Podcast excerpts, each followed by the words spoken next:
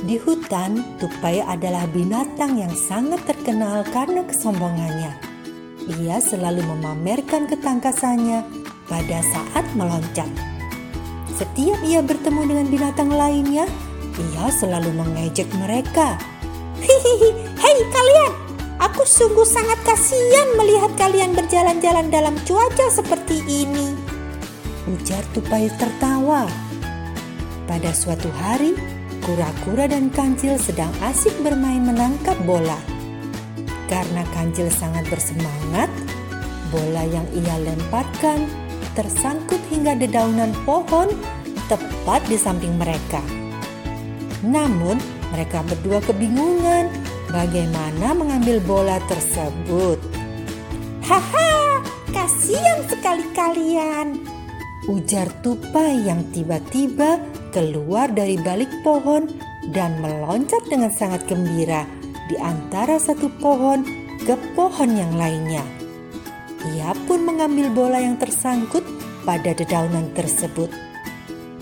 Tupai, cepat lemparkan bola kami. Seru kura-kura. Haha, tidak. Makanya kalian jangan menjadi binatang yang hanya bisa berjalan dan belajarlah untuk naik ke atas pohon sepertiku. Ujar tupai dengan sombong. Kancil dan kura-kura hanya menatap tupai yang sedang meloncat ke sana kemari. Tupai melemparkan bola tersebut ke arah pohon yang berada di depannya. Sehingga bola tersebut memantul kembali ke arahnya. Selain itu, Tupai pun dapat menangkapnya kembali.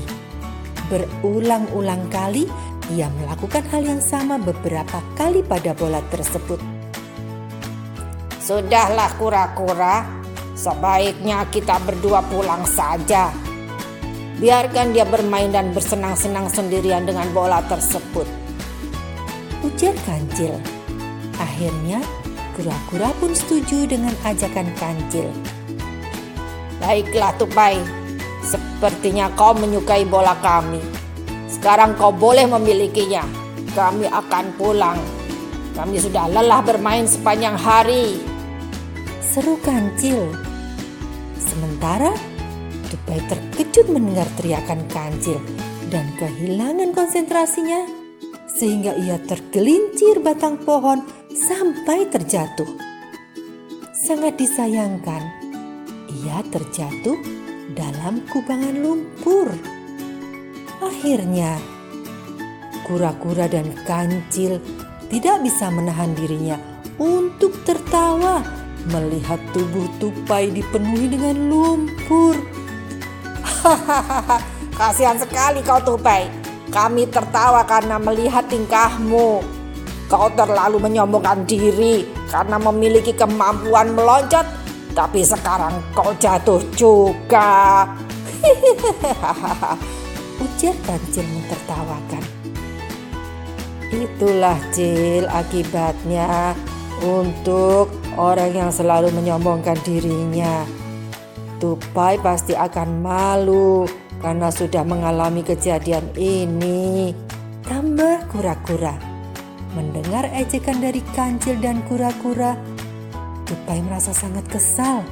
Namun apa yang mereka katakan memang benar. Ia pun berjanji tidak akan bertingkah sombong lagi. Akhirnya Tupai kembali pulang ke rumah dengan menahan rasa malunya. Ia tidak lagi menyombongkan dirinya.